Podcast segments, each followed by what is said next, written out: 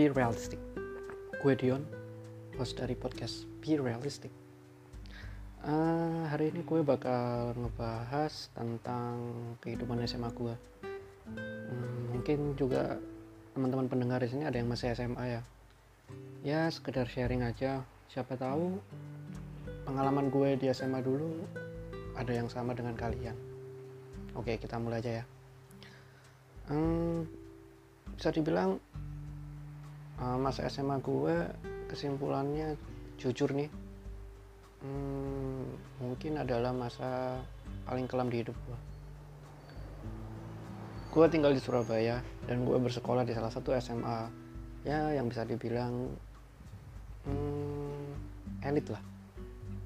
Bisa dibilang elit pada zamannya. Uh, waktu itu gue masuk SMA tahun 2009 ya jujur uh, gue masuk SMA ini uh, bukan karena kemauan gue tapi karena mungkin ya bisa dibilang karena keterpaksaan ya. Ya lu semua tau lah kalau misal uh, lo nggak keterima di negeri mau nggak mau lo mau harus sekolah di swasta gitu. Oh ya by the way gue sekolah di Surabaya uh, di salah satu sekolah swasta Islam yang ada di Surabaya. Hmm. Gue masuk SMA ya berat sih menurut gue. Ya seperti yang gue bilang tadi, masa-masa SMA adalah masa yang paling kelam hidup di hidup gue. Uh, mungkin dari teman-teman ada yang ngerasain juga mungkin uh, masa SMA adalah masa yang kelam ya. Nah, karena sebagian orang bilang masa SMA adalah masa yang paling indah. Tapi kalau menurut gue enggak sih. Kenapa bisa gue bilang masa SMA adalah masa yang paling kelam di hidup gue? Jadi gini, karena gue bisa dibilang masuk tadi masuk di SMA yang elit, otomatis pasti anak-anak yang masuk pun juga bisa dibilang ya kalangan menengah ke atas lah, bahkan mayoritas kalangan ke atas yang kalau misalnya bisa uh, mereka berangkat sekolah naik mobil atau diantar dengan supir pakai supir gitu. Uh, eh, gue nggak pernah ya merasakan hal seperti itu. Bahkan untuk berangkat sekolah pun dulu gue SMA masih diantar sama orang tua gue bahkan untuk beli motor pun dulu zaman SMA gue bisa dibilang dibelikan kakek gue bukan dibelikan bokap nyokap bukan dibelikan orang tua gue maksudnya. Uh, berat lah bisa dibilang. Karena lo tahu sendiri lah masa SMA apa yang lo pakai ke sekolah itu bakal jadi uh, image pertama teman-teman lo kepada lo gitu loh. Lo naik motor ya tergantung juga itu bisa dilihat motornya motor apa dulu nih.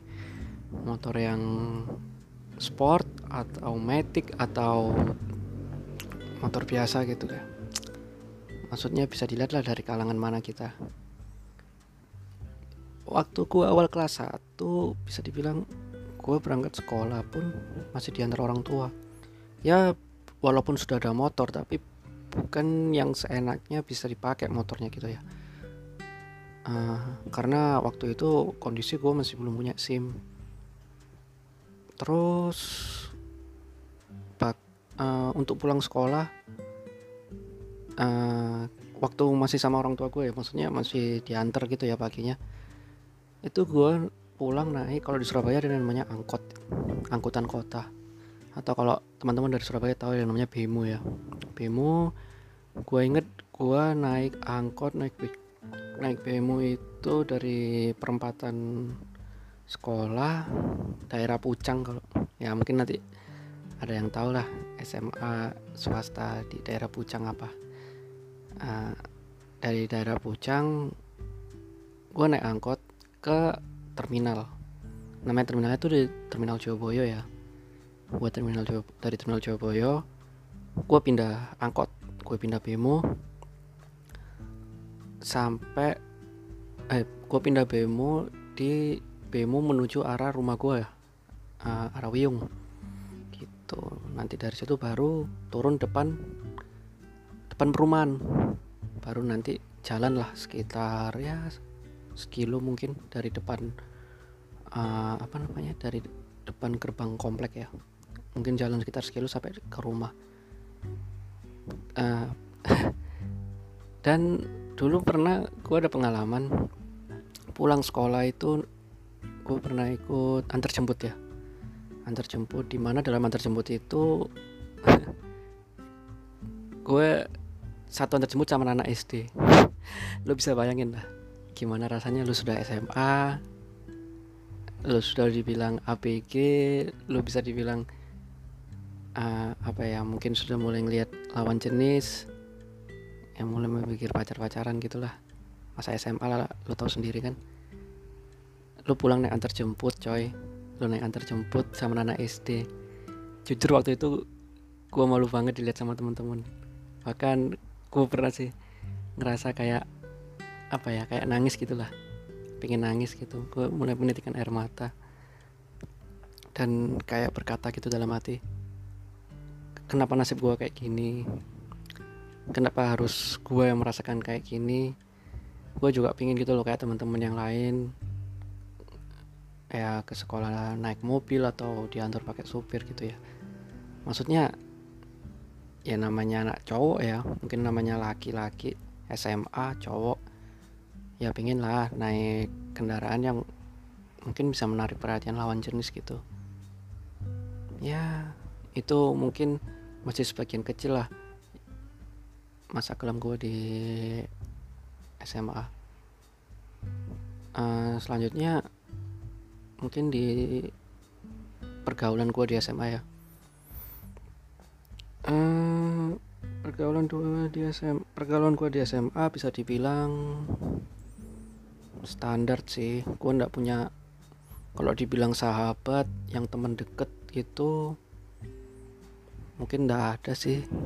Ya mungkin ada beberapa satu tapi hanya sebatas teman dekat bukan yang uh, bukan yang sahabat ya. Di sini teman dekat maksud gue uh, laki-laki ya bukan yang lawan jenis dan menuju ke arah pacaran ya.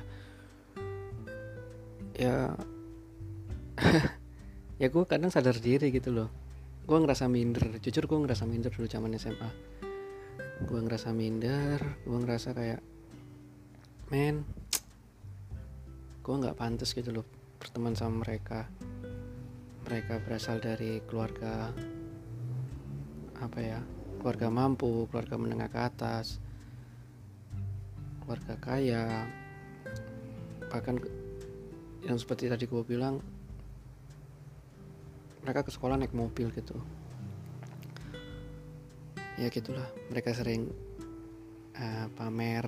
Ya mungkin ini menurut dari point of view gue ya dari sudut pandang gue kayak kayak pamer lah.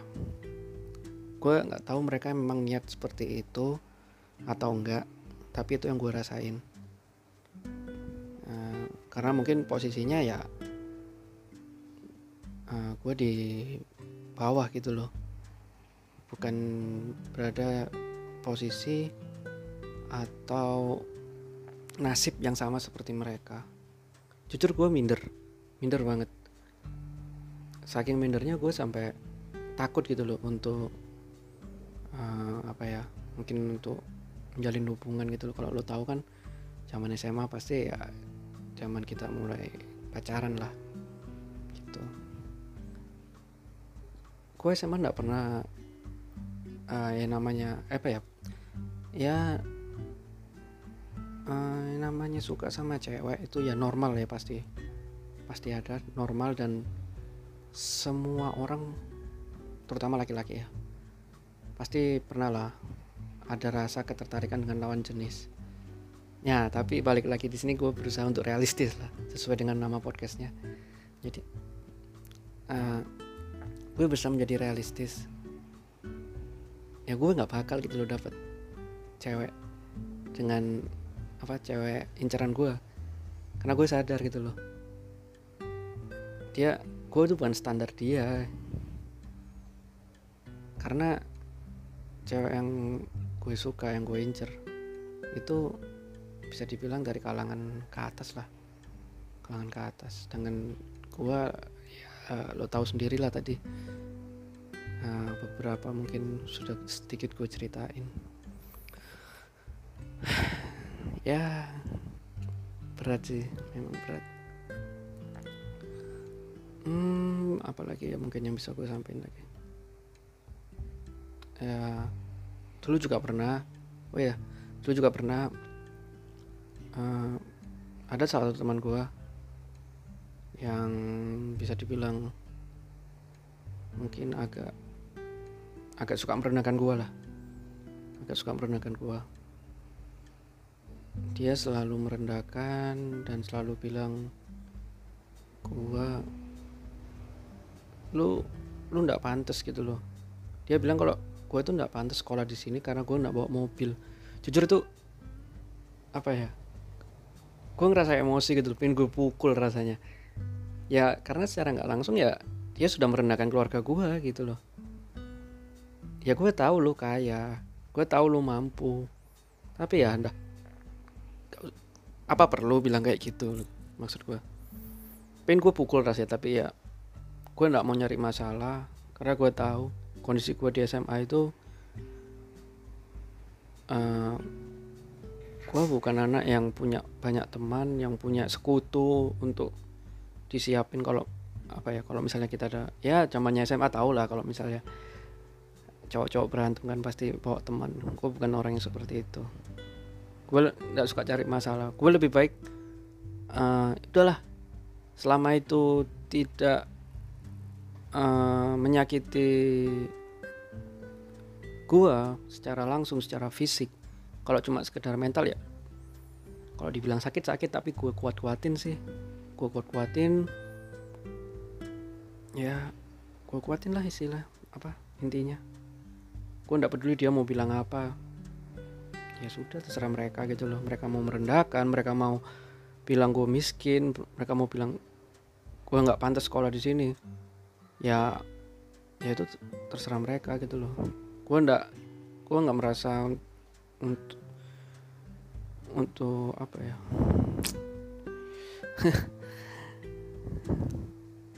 Untuk ngambil itu gitu loh. Selain itu teman gue ini juga pernah bilang ke gue uh, Yon kalau mau nyari cewek nyari cewek yang naik angkot ke sekolah jangan naik mobil. Udah pasti nggak bakal dapet anjir. Sejak kapan ada orang yang ngasih standar ke orang lain tentang kriteria cuma karena faktor ekonomi gitu loh? Kan aneh banget ya. Maksudnya coba lu bayangin ada orang misal eh enggak misal nih lu suka sama orang cewek. Terus ada yang ada orang atau teman lu bilang lu ndak pantas sama dia. Karena lu ndak bawa mobil atau lu uh, ndak selevel ekonominya dengan dia. Ya lu sadar diri lah lu kayak gimana. Anjir itu. Ya seperti yang tadi gue bilang kalau dibilang sakit sakit. Ya tapi namanya selama itu bukan sakit fisik cuma sekedar di mental atau ya istilah apalah mungkin di uh, hat, perasaan lah cuma menyakiti perasaan ya oke lah gue maafin. Maksudnya bisa gue toleransi lah selama bukan fisik. Ya terserah lah mereka mau menilai apa. Gue nggak habis pikir gitu loh ada ada orang kayak gitu yang menentukan standar cewek yang harus gue suka. Aneh aja. Mungkin dari teman-teman ada yang ngerasain juga ya. Kita terutama cowok nih gue gue terutama cuma pengen bilang sama yang teman-teman cowok. Uh, eh, gue dulu masuk SMA kan tahun 2009 ya 2009 dan sekarang 2021 ya sekitar 11 tahun yang lalu mungkin. Sekitar 11 tahun yang lalu lah. Masih sama ya kayaknya mungkin. Maksudnya pergaulan SMA uh, eh, teman-temannya terus gaya hidupnya mungkin ya 11 tahun mungkin masih masih apa ya masih sama lah. Uh, mungkin kalau teman-teman ada pendeng ada teman-teman sekalian yang masih SMA dan terutama yang cowok dan ngerasa kayak uh, gue gue nggak mampu. Gue suka sama cewek tapi gue sadar diri dengan keadaan gue gitu loh. Ya gue gue pernah ngerasain kayak gitu. Serius gue pernah ngerasain kayak gitu. Itu itu bisa dibilang itu ah enak banget sih. Uh, kayak ya udahlah cuma sekedar suka aja. Atau suka kalau suka nggak ada salahnya.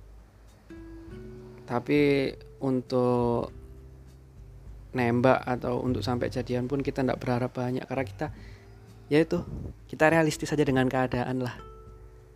Nah, uh, waktu SMA pun gue berharap segera selesai gitu loh. Ini masa-masa SMA segera selesai. Gue udah nggak tahan gitu sama dia sama kehidupan SMA gue nggak tahan banget dan pernah ada satu kejadian. Uh, eh, gue pernah ya waktu itu.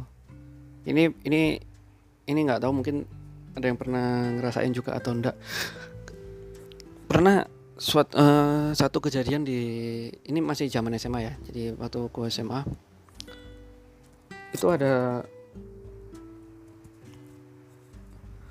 uh, lu tau lah pasti zaman zaman PES Pro Evolution Soccer main di laptop gitu. Ya waktu gue SMA juga sudah mulai sudah booming lah gamenya. Game PES itu.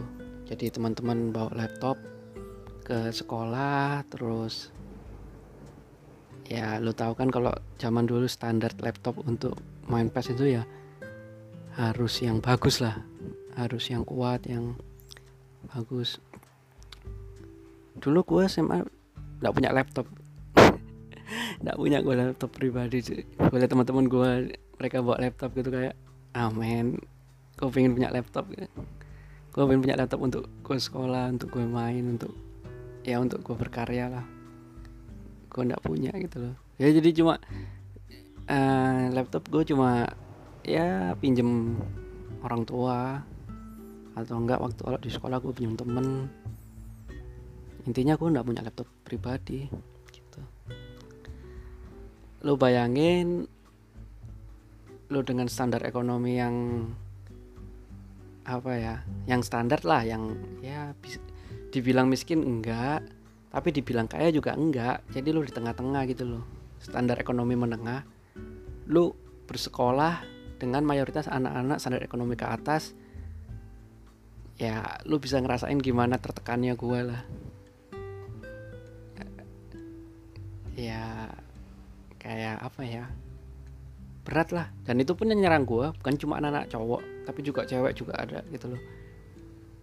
Ya mungkin bagi mereka bercanda tapi mereka tidak pernah merasakan di posisi gue jadi mereka ngerasa kayak itu lucu gitu loh.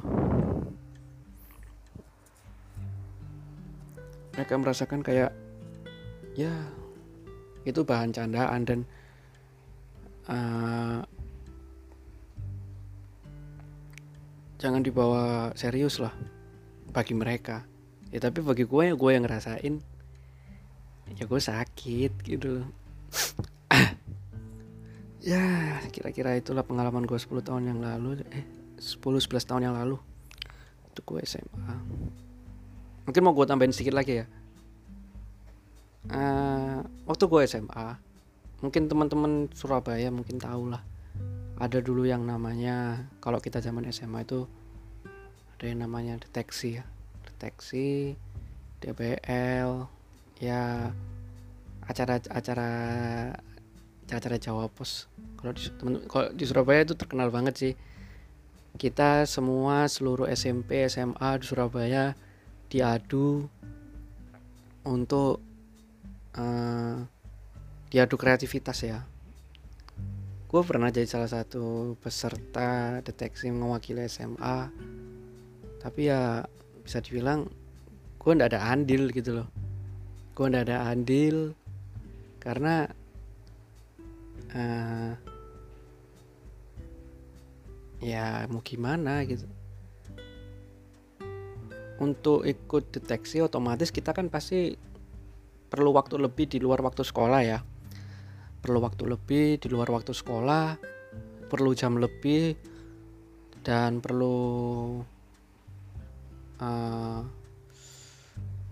uh, apa ya tenaga lebih gitu. Ya gue bisa dibilang waktu SMA termasuk anak yang ya agak dikekang lah sama orang tua agak dikekang. Agak dikekang di sini. Ya semua semua semua hal itu diawasi dan dibatasi gitu loh. Gue nggak bisa berkarya maksudnya hobi atau hal yang gue sukai itu nggak bisa gue uh, ekspresikan langsung dengan sendiri gitu. Karena apa pun itu pasti orang tua gue juga apa sih tidak penting? Apa sih? Ah, nah dari situlah gue mulai ngerasa kayak ya udahlah hidup realistis aja lah. Nggak usah terlalu uh, muluk-muluk. Gue nggak melarang teman-teman sekalian untuk bermimpi setinggi mungkin. Bermimpi harus. Bermimpi harus. Punya cita-cita harus tapi ya ingatlah. Kita juga harus realistis dengan kehidupan dan jangan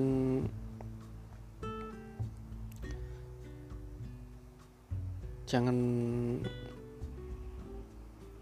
uh, jangan terlalu berharap lebih dengan kondisi dengan situasi juga. Kita harus sadar lah dengan kemampuan fisik eh apa ya kemampuan diri kita gitu loh gitu. Ya bisa dibilang kesimpulannya masa SMA gue dibilang menyenangkan enggak? Ya adalah sedikit. Ada menyenangkan cuma kalau kesimpulan secara menyeluruh gue ngerasa hmm, sedih sih.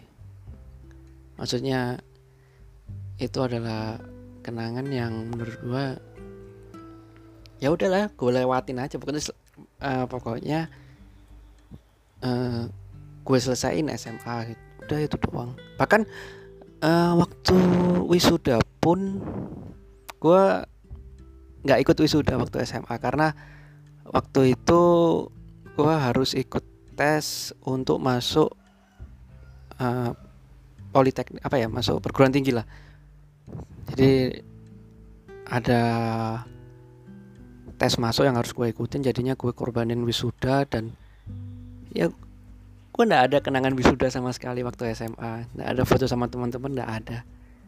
Ya karena waktunya mepet dengan tes masuk kuliah. Dan gue berpikir dan gue berpikir realistis daripada gue ikut wisuda yang selesai wisuda gue nggak tahu harus kuliah ke mana lebih baik gue tinggalin wisuda. Tapi gue ikut tes uh, masuk kampus yang bisa dibilang ya itu masa depan gue gitu loh.